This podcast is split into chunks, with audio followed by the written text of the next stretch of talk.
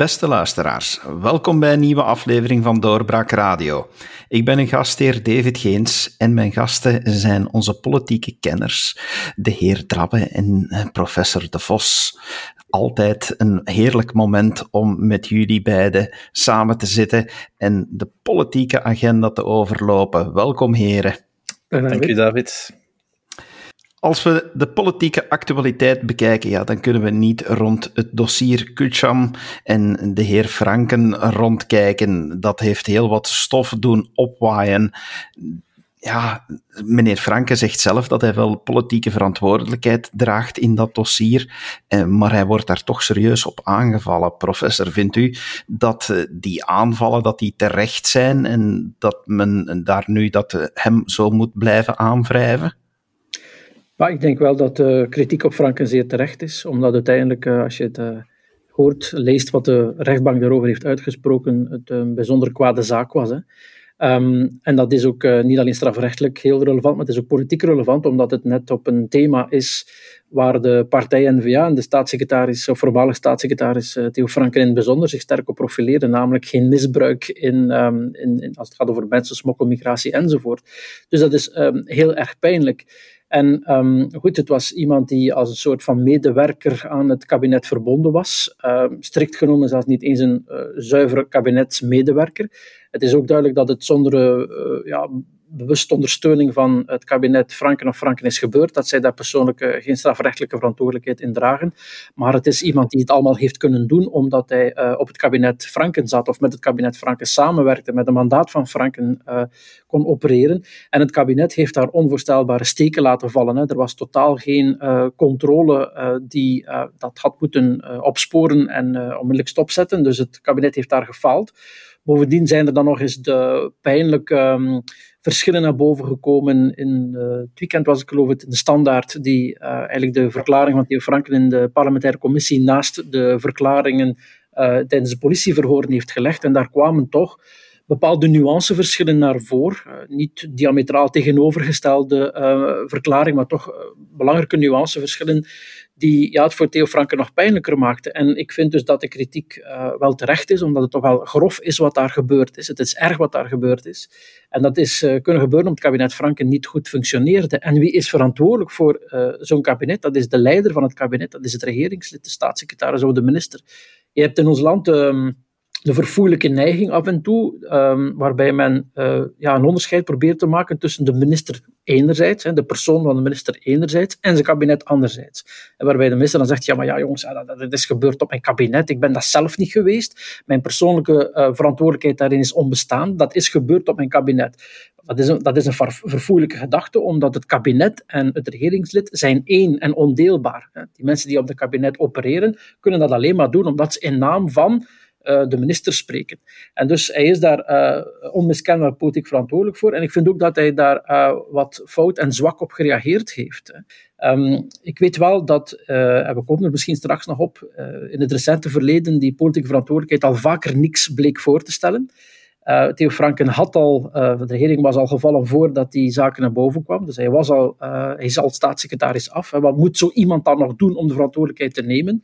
Um, wel, ja, in Nederland hebben we een voorbeeld. Ik zeg niet dat je het ook op die manier moet doen. Van iemand, de Nederlandse regering Rutte is gevallen.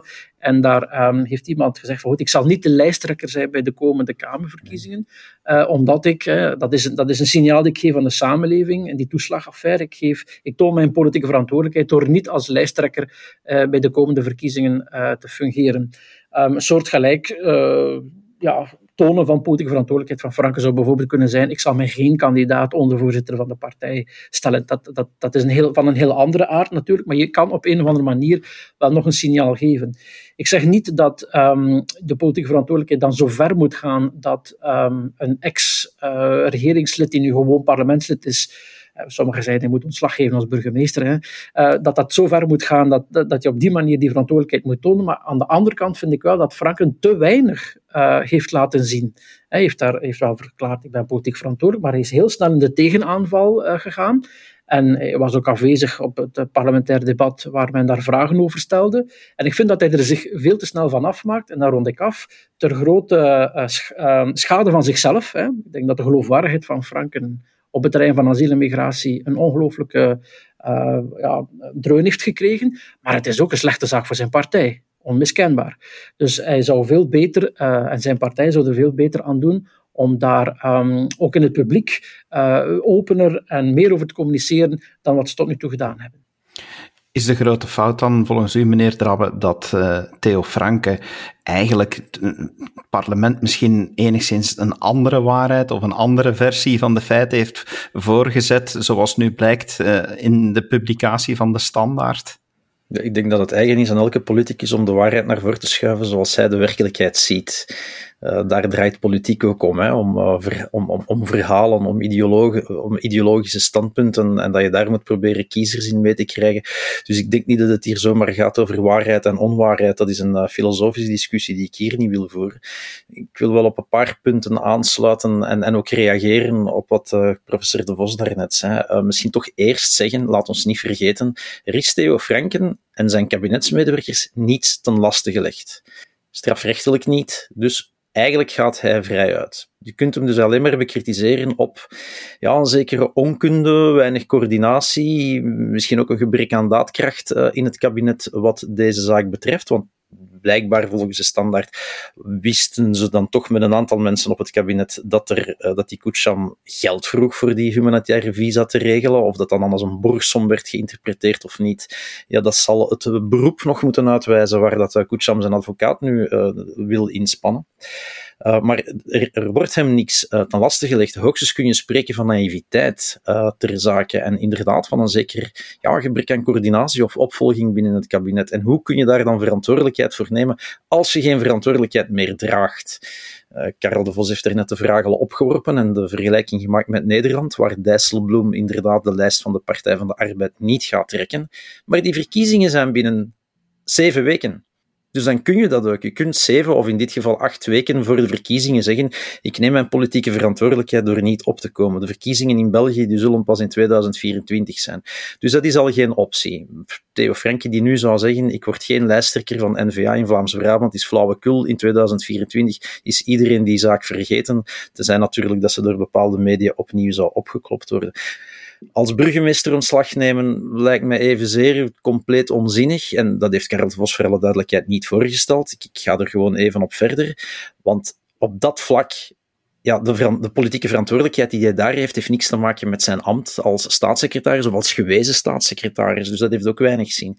En dan het derde tip of, of, of voorzet die Karel de Vos gaf, uh, van hij zou dan misschien beter zijn kandidatuur als uh, ondervoorzitter niet stellen of intrekken, heeft denk ik ook bijzonder weinig zin, want dat heeft geen enkele impact op de buitenwereld. Dat heeft geen enkele impact op de kiezer in het algemeen. Er is niemand die voor een partij wel of niet zal stemmen, die voor een kopstuk of een lijsttrekker wel of niet zal stemmen, omdat hij, ik zal maar zeggen, secretaris, penningmeester of ondervoorzitter is van een partij. Er rest hem dus ook heel weinig om op een of andere manier politieke verantwoordelijkheid te nemen. Wat hij wel kan doen, wat hij voor een stuk al gedaan heeft maar daar zie je dat de partij, de NVA, toch wel heel duidelijk één lijn trekt. En in het licht van de huidige politieke constellatie begrijp ik dat ook. Daar kunnen we het zo meteen nog wel even over hebben. Maar wat hij wel zou kunnen, of had kunnen doen, of nog kan doen, dat is iets uitdrukkelijker het boetekleed aantrekken. Uh, iets uitdrukkelijker uh, stellen dat uh, hij inderdaad, mocht hij nog staatssecretaris zijn, zijn politieke verantwoordelijkheid nu zou nemen. wat het dan ook mogen wezen, maar waarschijnlijk betekent dat dan inderdaad een ontslag. Ehm, dat hij veel duidelijker zijn verontschuldigingen zou aanbieden en duidelijk ook stellen waar er binnen de werking van zijn kabinet fouten zijn gemaakt, waar hij dan als leider van dat kabinet, als verantwoordelijk minister of staatssecretaris in dit geval, de verantwoordelijkheid had of zou moeten verdragen. Dat is misschien wel iets.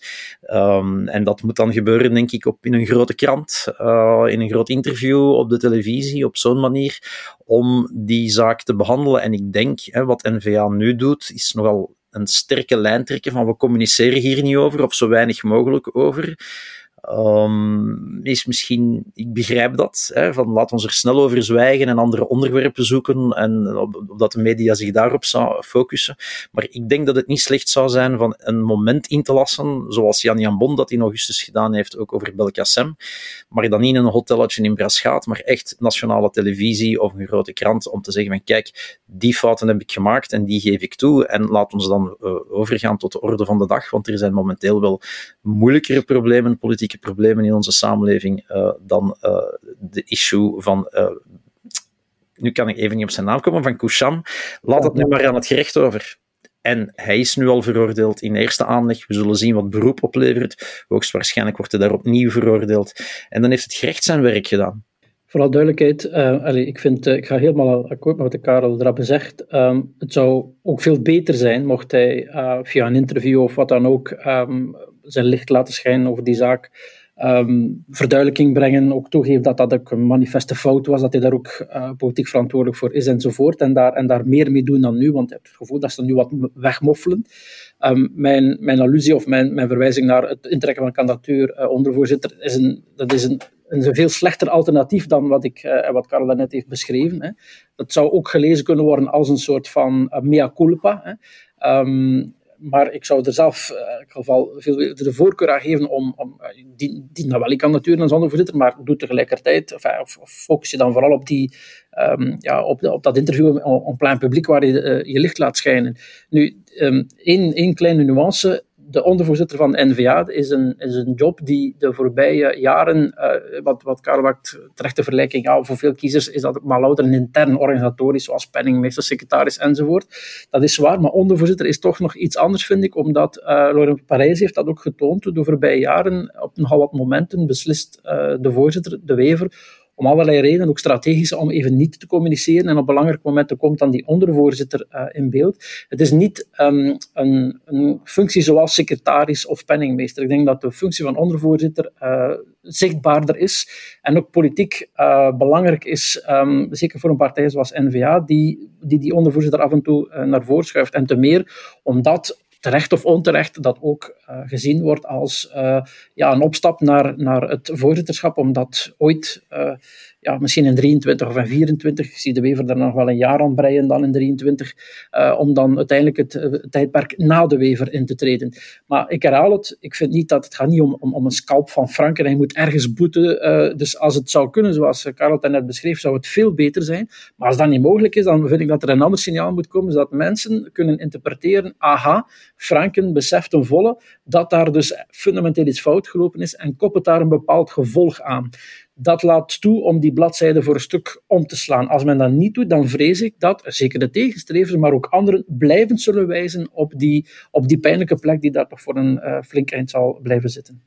Ja, daar ben ik het wel, wel mee eens. Hè. Uh, zowel ja, de ondervoorzitter van de NVA heeft een iets explicietere rol dan in de gemiddelde andere partij. En inderdaad, in het licht van de komende verkiezingen, hè, in 23 of 24 binnen de NVA, je zou kunnen redeneren dat een van de twee nieuwe ondervoorzitters, begin, waarover begin februari wordt beslist, dat, dat, dat die wel eens in de voetsporen zou kunnen treden van Bart de Wever en de volgende voorzitter wordt. Maar er zal nog heel veel water naar de zee vloeien uh, tussen nu en dan. En we weten dus echt niet wat er op dat vlak uh, te gebeuren staat. Um, en dan twee, ja, die pagina omslaan. Voor een stuk heeft hij natuurlijk al zijn, zijn um, rol daarin uh, toegegeven, zijn politieke verantwoordelijkheid. Maar het mag inderdaad misschien wel explicieter. En ik denk dat de partij inderdaad, hè, om terug die metafoor te gebruiken van die pagina omslaan, die Karel de Vos daarnet aanhaalde, dat de partij er ook beter aan zou doen om zo'n moment van catharsis uh, in te roepen of te organiseren en nadien terug full force zich bezig te houden met de oppositie in de Kamer en met de Vlaamse regering. Want dit is iets dat de NVA anders nog wel een tijdje zou kunnen meedragen. En daar heeft NVA absoluut geen baat bij en Theo Franken nog minder natuurlijk. Absoluut, akkoord. Persoonlijk vind ik dat dat uh, niet per se in een andere krant of dergelijke moet, maar dat de podcast van Doorbraak een heel geschikt medium zou zijn. Maar dat is dan een puur persoonlijke mening daarover, om uh, dat interview met uh, meneer Franke te doen. Maar als we kijken naar zijn geloofwaardigheid, is hij nu nog de persoon die op een geloofwaardige manier de asiel- en migratiespecialist van NVA kan zijn? Maar, um, de gemiddelde moet opletten wat ik zeg. Hè. De gemiddelde uh, schrap dat. volgens heel veel politici, journalisten en opiniemakers is hij sowieso niet objectief en capabel. Welk mandaat hij zou, ook zou uitvoeren. Er bestaat een sfeertje in de wedstrijd en in, in de, de, de, de perimeter rondom de wedstrijd uh, anti-Theo Franken. Eendert wat hij zegt, eendert wat hij doet, eendert wat hij tweet, eendert welk boek hij publiceert. Dat mag ik dan wel zeggen als zijn uitgever. Zijn boek, dat verdorie 12.000 exemplaren verkocht heeft in het Nederlands alleen, of toch bijna, uh, Continent zonder grens, heeft geen enkele recensie gekregen in een Vlaams medium. Geen enkele. Dat heeft toch ook wel te maken met van, we gaan hem doodzwijgen, uh, we moeten hem niet... We... heb ik op het web gevonden we willen hem niet, uh, we, hebben, we hebben het niet voor hem. En de eendert wat hij zal doen, eendert wat hij zal zeggen en eendert welk mandaat hij zal bekleden, ja, er is een zekere vijandschap tegenover hem. En die is niet alleen politiek, het gaat niet alleen om politieke concurrentie, het zit veel dieper. Het is, het is bijna, of, ofwel ben je voor ofwel ben je tegen uh, Theo Franke. Daar lijkt het stilletjes aan op dat, er, dat je daar geen neutrale of objectieve positie meer kan innemen, wat we eigenlijk wel mogen verwachten van de gemiddelde journalist. Dat klopt. Ik denk dat er een heel grote groep is die hem uh, steunt als hij zegt, ja, ik ben er uiteindelijk ook maar ingeluisterd. Ik heb mijn best gedaan. Iedereen weet dat ik dat zelf persoonlijk nooit zou toelaten of goedkeuren, maar dat, dat gaat dwars in tegen mijn politieke overtuiging. Dus bij heel veel van die uh, fans van die verdedigers, supporters, hoe je ze ook noemt, kiezers, ja, dat, zal, dat, zal, dat zal met Theo Franken niet voor afvallen. Aan de overkant staan er mensen die uh, absoluut niet van Theo Franken willen horen of weten, die sowieso vinden dat hij uh, niet te vertrouwen en uh, niet competent is. Dus dat, dat zal dat alleen een bevestiging zijn, dit arrest. Zie je nu wel dat, dat hij niet competent is. maar er is denk ik ook wel een, een, een tussencategorie. Er is een groep in de samenleving die ook wel um, ja, openstaat voor, voor een verschuivende opinie op dat terrein. Hè. Wat denken we over Theo Franken? Dat heeft daar een invloed op. En het is natuurlijk vooral voor die tussencategorie. Ik weet zelf niet hoe groot die is, hè, maar ik denk niet dat die onbelangrijk is. Het is natuurlijk voor die tussencategorie waar het wel een verschil maakt. Hoe je met die, uh, ja, met, met die, met die veroordeling... Nu heb je het over de kiezers. Nu heb je het ja. over de kiezers en niet zozeer over uh, de professionals in en uh, rondom de wedstrijd. Hè? Nee, want wat dat betreft, daar heb je gelijk in. Hè, die, die, die filter van, uh, van opiniemakers, kranten enzovoort zit daartussen. Maar er zijn ook heel veel mensen die, uh, ja, die, die dat voor een stuk omzeilen. Hè. Ik, bedoel, ik weet dat natuurlijk elk nieuws op de een of andere manier wel tot, uh, tot mensen moet raken, ook via sociale media. Maar er zijn heel veel mensen die, ja, die gewoon de headlines lezen hè, en die daarom de, de lange stukken, de duidingen en de commentaren er allemaal niet bij nemen. Hè. Er, is, er is een stuk van het publiek dat, uh, dat rechtstreeks het nieuws haalt zonder daar al die analyses en die lagen die er bovenop gelegd worden door journalisten, commentaarschrijvers enzovoort meenemen.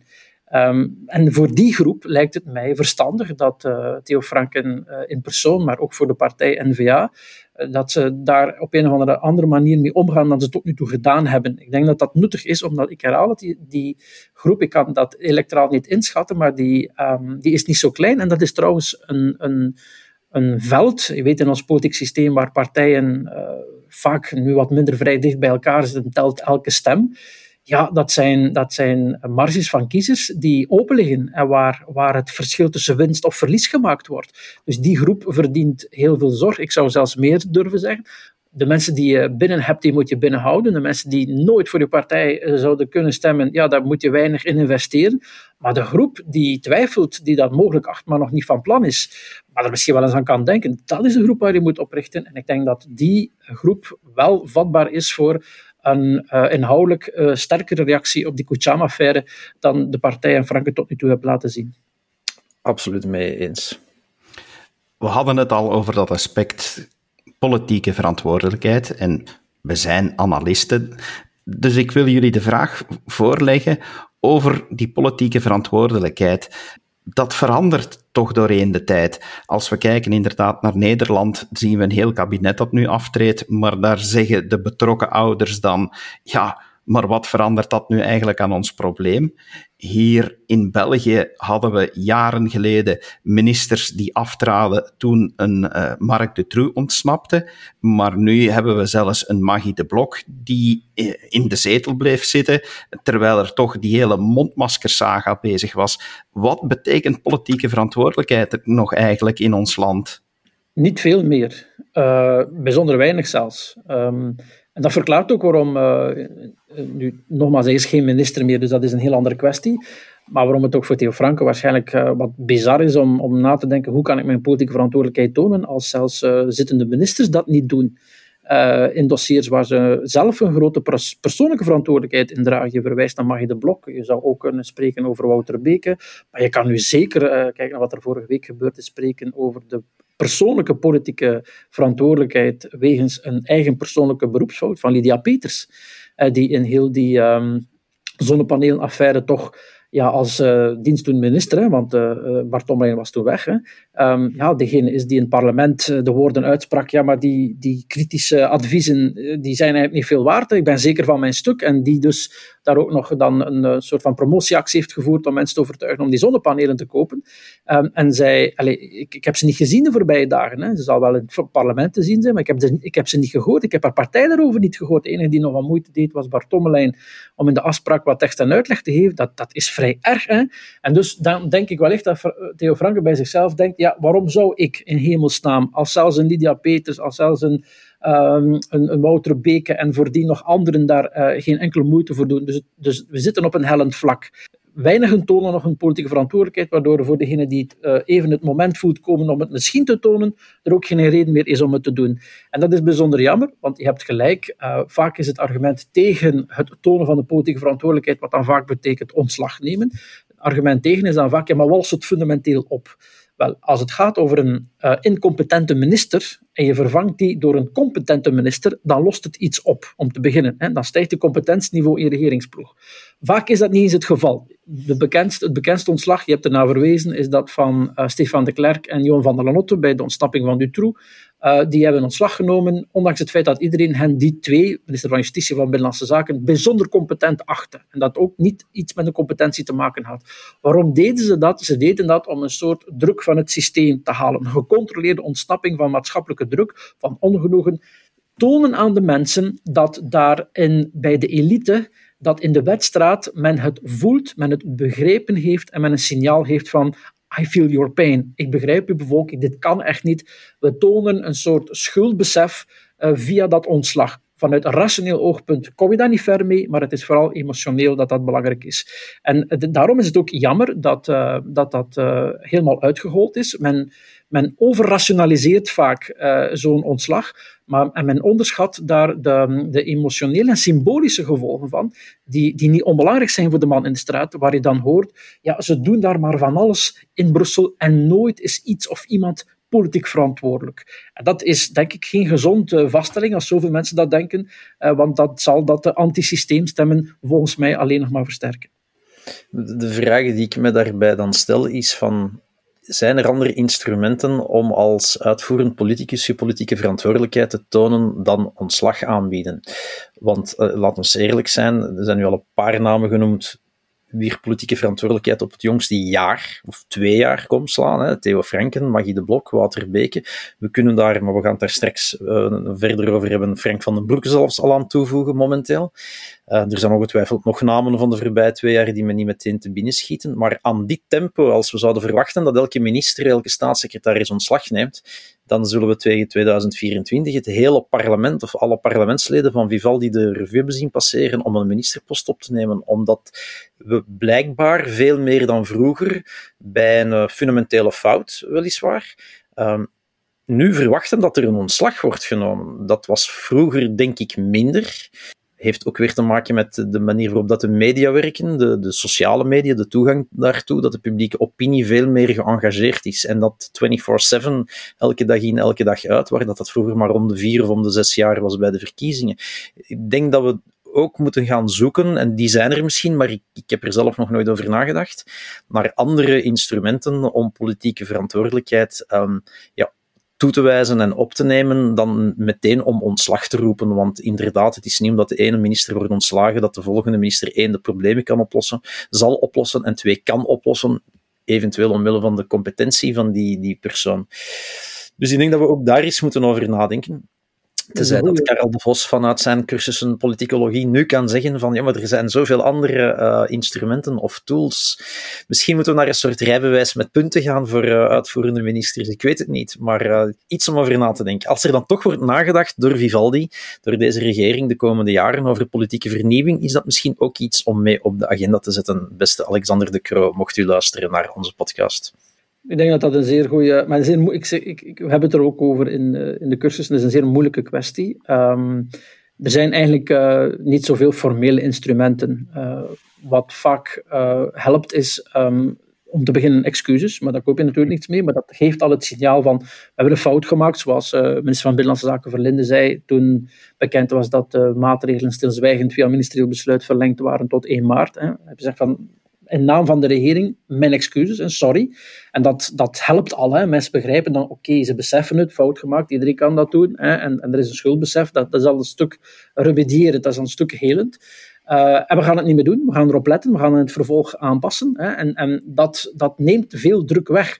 Waarom, waarom ontstaat vaak um, de eenzijdige vraag verantwoordelijkheid vertalen tot ontslag? Omdat men voor het overige weinig andere reactie ziet. Integendeel, men ziet soms um, de dwangmatig overgaan tot de orde van de dag, zo snel mogelijk te laten passeren. En dan uh, vergroot die druk en wordt die eigenlijk gereduceerd tot ga dan weg en, en laat u vervangen door iemand anders. Nu, in sommige gevallen, um, bijvoorbeeld mevrouw Magde Blok, ja, je voelde dat ze daar helemaal uh, in, in diep inlopende zaken niet meer on top of het dossier zat, dat ze eigenlijk wat moe was, dat ze het waarschijnlijk wat moe was, dat ze niet meer scherp genoeg was om een aantal van die crisismaatregelen echt te nemen. Ja, en zo op, in, dat geval zou je kunnen zeggen, ja, vervang die minister door iemand anders die dan met frisse energie en moed uh, op, dat, op die bevoegdheid kruipt en daar de ding wat beter managt. Uh, in het geval van Wouter Beke had heel veel te maken waarschijnlijk met het feit dat hij nieuw was, dat ook zijn kabinet, het kabinet van Deur was quasi helemaal vertrokken, moest helemaal vernieuwd worden. Die waren daar wat onwennig, komt een grote crisis in een beleidsdomein, uh, zorg, woonzorgcentra die in Vlaanderen nog nieuw is, dus dat was allemaal onwennig was Wouter Beke de beste man op de plek? Ja, wie zal het zeggen? Hij heeft zichzelf daar gezet. Um, ik weet niet of dat veel zou opgelost hebben. Uh, er circuleerde toen van een aantal namen, onder andere van mevrouw Kloet. En zei, maar zet die daar, maakt die minister, die, die had met meer competentie dat kunnen doen. Dus in sommige van die gevallen zou het wel helpen, denk ik, om uh, de man of vrouw te vervangen door een competenter man of vrouw. En dan heeft dat ontslagnemend meteen een, een effect. In veel gevallen is dat niet zo. Maar dan uh, moet er beleidsmatig wel um, um, ja, een remedieringsparcours gemaakt worden. Hè. Moet, moet er een mea culpa gemaakt worden en moet er een programma opgezet worden om die dingen in, in de toekomst te corrigeren. Wat mevrouw de Meer nu doet, bijvoorbeeld met die compensatie voor die uh, mensen die niet van die terugdraaiende meters gebruik kunnen maken, dat is wel een stuk een oplossing voor de schade die zij geleden hebben, maar dat is geen oplossing te gronden, namelijk een regering die manifest, manifest een aantal oerduidelijke negatieve adviezen, manifeste waarschuwing naast zich neerlegt, om toch maar in het licht van de komende verkiezingen een mooie politieke deal te kunnen voorstellen. Daarop ingrijpen en daarover nadenken, over het belang van adviezen, over hoe je omgaat met die adviezen, dat fundamenteel bespreken. Als zittende minister kan je dat perfect doen en dan geef je wel een structurele oplossing aan het probleem waar je eigenlijk zelf de uiting van geweest bent. Je vroeg me Staat tegenover de politieke verantwoordelijkheid tegenwoordig dan de politieke onverantwoordelijkheid, dat men uh, het niet meer uh, opneemt uh, voor zijn daden of niet meer nadenkt over de gevolgen daarvan. Ik, ik neem het als opstapje of als voorbeeld. Ja, natuurlijk de Open VLD nieuwjaarsreceptie, de perceptie die daaruit ontstaan is, de heel ja, de heel talrijke reacties die gekomen zijn op die beelden. Was dat politiek onverantwoordelijk om op dat moment eh, dat te organiseren en niet stil te staan bij het signaal dat men op die manier geeft aan de burgers die het allemaal een beetje beu aan het worden zijn? Ja, Meneer Drame? Niet, het is absoluut niet onverantwoord om als politieke partij nieuwjaarsreceptie te organiseren in januari. Uh, als er geen corona was, zou die ook georganiseerd zijn, maar dan in een of andere uh, cultuurtempel of wat dan ook. Um, dus ik denk het probleem is zit zich. Ik denk dat het probleem dat zich daar op de eerste plaats heeft gesteld, ik, wil zo meteen dan wel op die politieke verantwoordelijkheid uh, inzoomen, maar het probleem dat zich daar op de eerste plaats um, veruitwendigt, dat is het verschil en, en, en de gelijkenissen eigenlijk tussen perceptie en realiteit in realiteit is daar niet zoveel verkeerd gegaan. Als je de foto's bekeek, die vanuit een ander perspectief waren genomen dan de selfie van Eline de Munk, die de planeet is rondgegaan, zal ik maar zeggen, eh, dan zie je dat er wel degelijk voldoende afstand is behouden. Dus ongetwijfeld, ik, ik, ik, ik geloof um, de lijn die de VLD daar, de Open VLD daar zette van we, hebben dit georganiseerd, rekening houdende met alle maatregelen van corona. Ik denk wel dat dat zal kloppen. waarom zouden ze dat niet gedaan hebben uh, als er camera's op stonden? Maar de perceptie is natuurlijk iets anders. Meteen hebben we die foto gezien van een Munk, die is de planeet rondgegaan. Iedereen heeft die becommentarieerd, iedereen heeft die gezien, iedereen heeft daar een mening over. Die mening is onverdeeld gemiddeld negatief. En terecht, want, en nu kom ik dus op jouw vraag, uh, David, waar dat je zegt van ja, wij moeten allemaal in ons kot blijven en allerlei maatregelen naleven en de avondklok enzovoort. En bij Open VLD organiseren ze een feestje. En de manier waarop dat men met die communicatie, of de manier waarop die communicatie gevoerd is, ja, men had daar eigenlijk ook een catharsis moment moeten inroepen. Men had gewoon heel openlijk excuses moeten aanbieden. En dat heeft men niet gedaan. Men heeft gewoon direct gezegd, ja, maar alles was in orde. Ja, maar daar ging het al niet meer over. Het kwaad was geschied. Uh, iedereen had zijn oordeel klaar en dan moet je daarop inspelen. En dan denk ik, hè, want dit, uiteindelijk gaat dit maar over een nieuwjaarsreceptie, dus zelfs geen receptie, over een nieuwjaarsfeit. Een, een, een, een, een podcast, bij wijze van spreken, met camera's. Um, en een muziekbench op de achtergrond weliswaar, maar die bleken dan nog in een andere ruimte te staan. Maar iedereen had zoiets van, ja, jullie doen maar, jullie politici, eh, daar, daarboven in die ivoren toren die ergens in de buurt van de wedstrijd staat. En wij worden verwacht om allerlei maatregelen uh, te volgen, die dan bovendien nog eens stilzwijgend uh, verlengd zijn, waar we dan niks van wisten. En ja, dat is natuurlijk... Um, zoals men in het Engels zegt, adding insult to injury. We zijn al gewond en we krijgen er nog eens een pets bovenop, een kaakslag uh, zouden we kunnen zeggen, uh, bovenop door Alexander de Croo en door Egbert Lachgaard. En daar hebben ze een enorme kans gemist van niet gewoon het boetekleed aan te trekken en heel snel over te gaan tot de orde van de dag, maar te blijven hameren op het feit, ja, maar wij hebben niks verkeerd gedaan.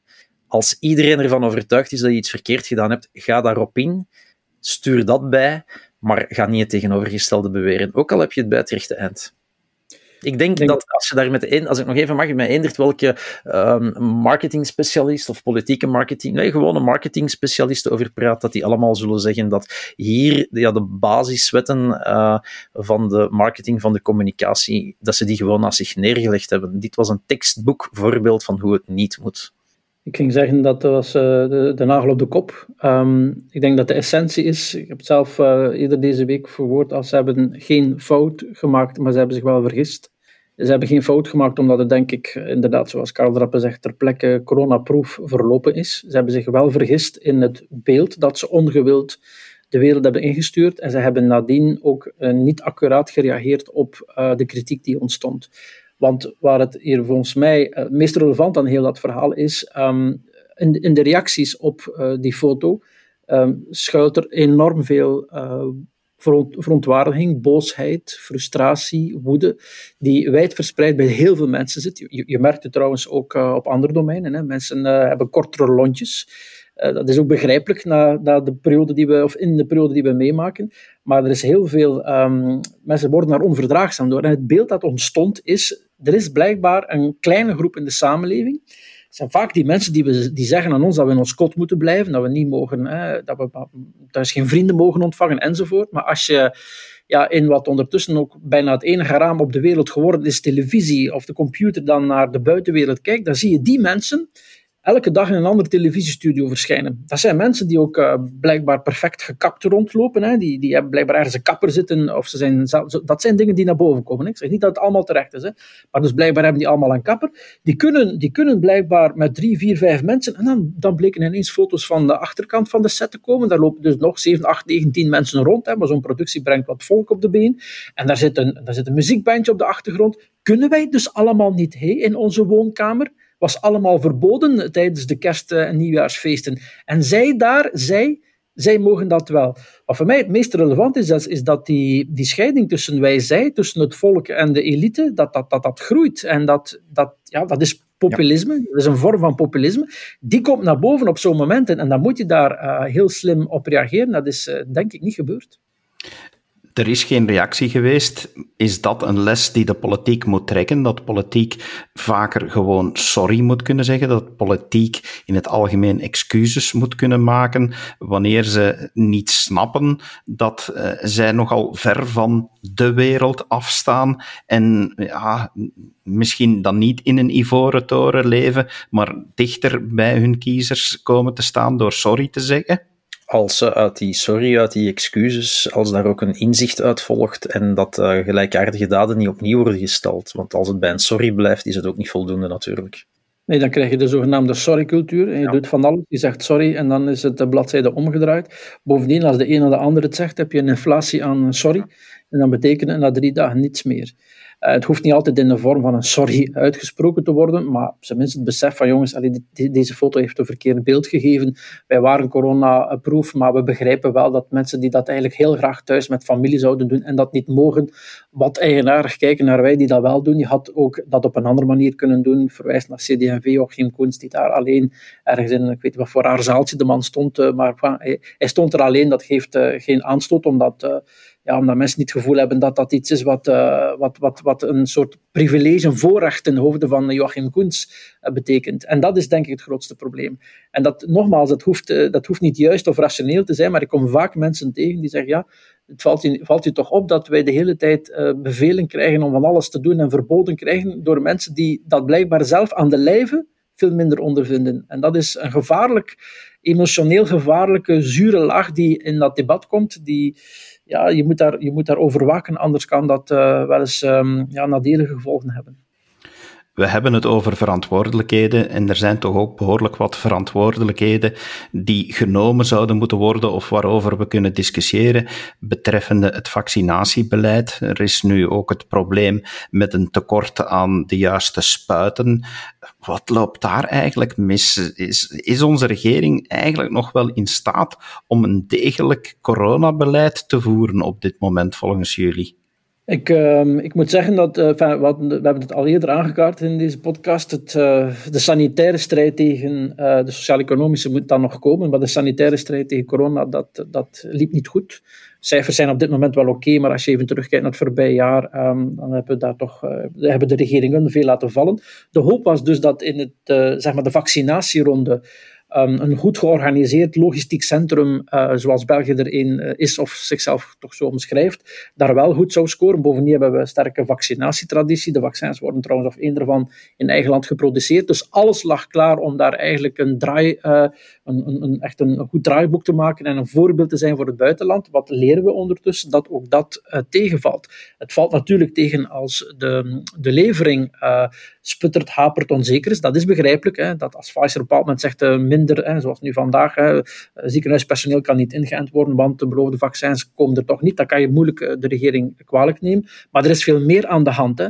Het stuk van Jan Kallebout in de morgen bijvoorbeeld, uh, die wijst hoe uh, Vlaanderen uh, zodanig verkokerd is dat de organisatie binnen Vlaanderen, dus het gaat niet eens over België, dat de organisatie binnen Vlaanderen van die vaccinatie, namelijk waar moeten die centra komen, voor welke regio's zijn die verantwoordelijk, ja, dat loopt helemaal mis. Dus het is niet eens een Belgisch probleem, ook in Vlaanderen is, dat, uh, niet, is, is onze staatsstructuur of onze, um, onze administratie, de organisatie van de overheid, niet de staatsstructuur, maar de organisatie van, de, van het Vlaams bestuur, zal ik het maar noemen, is niet goed genoeg, leren we nu uit die vaccinatie. En er komen dus uh, na, na, na, de, na de jubeldiscours en de hoera-sfeer rond het Rijk van de Vrijheid, uh, komt steeds meer naar boven dat, ja, dat misschien eerder het Rijk van de Fabelen is dan een Rijk van de Vrijheid. En vaccinatie voor de veel wordt gesproken. Hè. Er zijn geen... Uh, geen voldoende spuiten. De FAGG, Federale Agentschap voor Geneesmiddelen, heeft uh, ja, ergens een handtekening uh, vergeten te zetten. En oef, het is gecorrigeerd, anders hadden we 2,5 miljoen Pfizer-vaccins minder.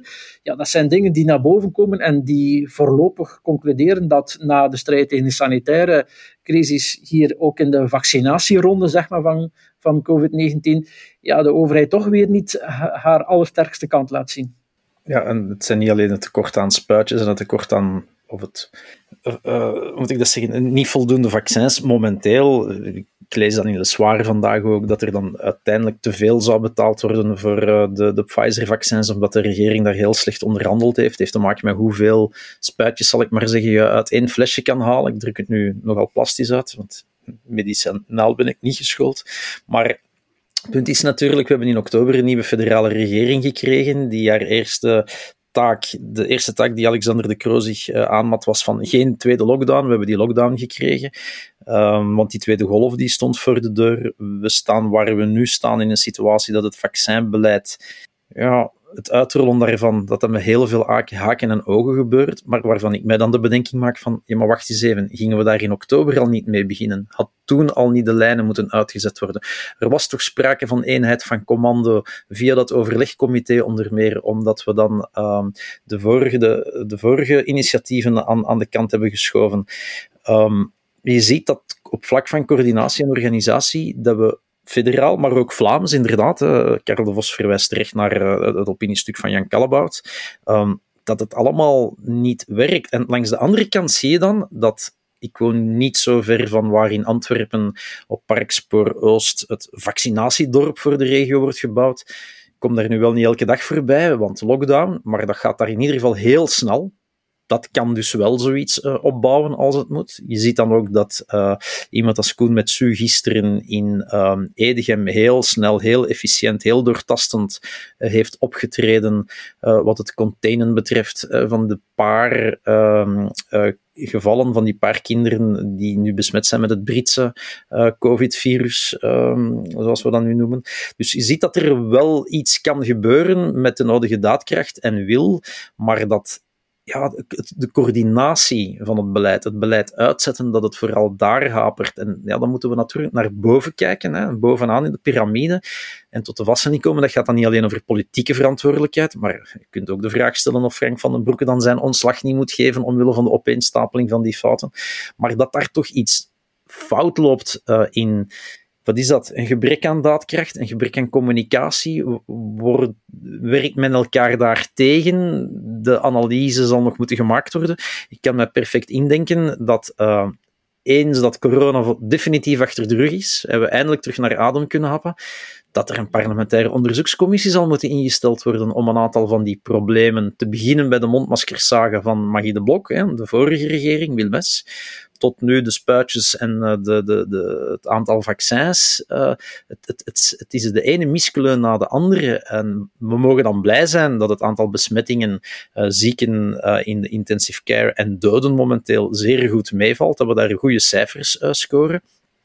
Maar dat is toch eerder op het konto van de burger en van het verzorgende en verplegende personeel te schrijven en zeker niet op konto van het beleid. Nee, absoluut niet. En wat ook mankeert, um, is een fatsoenlijke uitleg. Er gingen geen vaccins in de diepvriezer blijven liggen. Er blijken er plots 180.000 te zijn. Maar dat heet dan allemaal een reserve voor het tweede spuitje. Op een bepaald moment, uh, we hebben gezien bij het UZ in Gent, beslist men dan, jongens, allee, dat gaan we echt niet meer blijven pikken. Hè. We gaan ons personeel uh, um, in, injecteren. Hè. Zoals trouwens uh, bleek dan plotseling in bepaalde woonzorgcentra dat de overschot van de vaccins gebruikt werden om de familieleden van de bewoners te vaccineren, omdat men zei van, ja, anders liggen ze daar ook maar. En als, als je die reactie ziet, dan weet je dat het beleid fout loopt. En daar zal inderdaad, als het stof is gaan liggen, deftig onderzoek moeten naar gevoerd worden, want dit, zijn, het is een, een seriële miskleun wat we meemaken. En als je dat dan optelt, het gedrag of de reactie uh, van de VLD-politici over een nieuwjaarsmoment, en dan ja, op vele elementen toch een falend beleid, dan is het maar te begrijpen dat de burger begint af te haken en dat na uh, de one-liner van de termen, hè, wie gelooft die mensen nog over politici, dat we, dat we misschien het risico lopen dat er straks ook mensen niet meer gaan geloven in de vaccins en een soort vaccinatheïst gaan worden. En dat is het risico dat we absoluut niet kunnen lopen.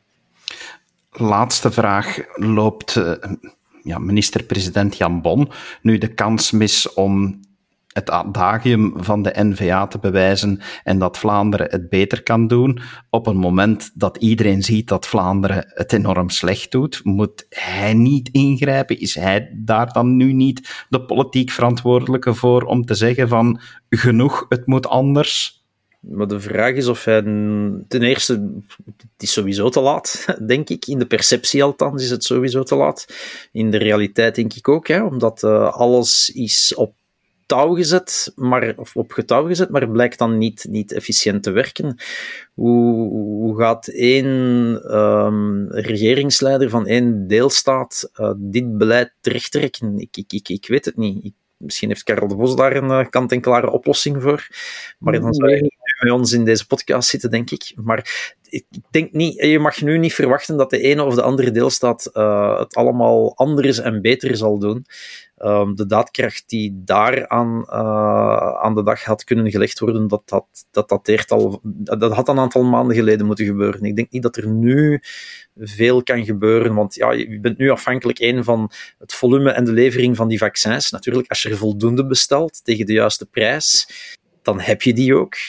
Um, het bedelen ervan natuurlijk aan de ziekenhuizen en de woonzorgcentra is wel Vlaamse bevoegdheid, maar het bestellen van die, van die vaccins is dan weer federaal. Dus je ziet toch weer, voor de zoveelste keer, merk je dat al die, ja, dat je met tegenstrijdige fouten in de Belgische constructie zit. Hè. Er zit van alles fout. We hebben het er nogal over gehad in onze podcast. Die niet alleen in een onderzoekscommissie over politieke verantwoordelijkheid naar boven zullen moeten komen, maar dat we ook zullen moeten zien dat in volgende staatshervormingen uh, nopen om een aantal zaken recht te trekken, um, in welke richting dan ook. Wel, om nog één klein ding aan toe te voegen. Het is nu te laat om nu in die coronacrisis het imago van de Vlaamse regering fundamenteel te verbeteren. Dat zal niet meer lukken. Wat je wel kan hopen is dat als de gezondheidssanitaire crisis tegen corona voorbij is en het gaat over relancebeleid, economische vernieuwing enzovoort, dat dan de Vlaamse regering er staat en dan goed beleid voert. En als dat kan, dan zal ze gerehabiliteerd zijn tegen 2024. Maar maak je geen illusies, een beter rapport in de coronastrijd zal de Vlaamse regering niet meer krijgen. Daarvoor is het, zoals Karel erop zegt, te laat. Klopt, maar ze kan natuurlijk al nu beginnen aan de voorbereiding van die relance, achter de schermen. Absoluut. Ver van de camera's. Daarmee hebben we weer een duidelijke analyse gemaakt van de politieke actualiteit en heel veel mensen kunnen eruit bijleren, zowel politici als kiezers. Dankjewel, meneer Drabbe, meneer De Vos, voor jullie deskundige uitleg. Graag gedaan.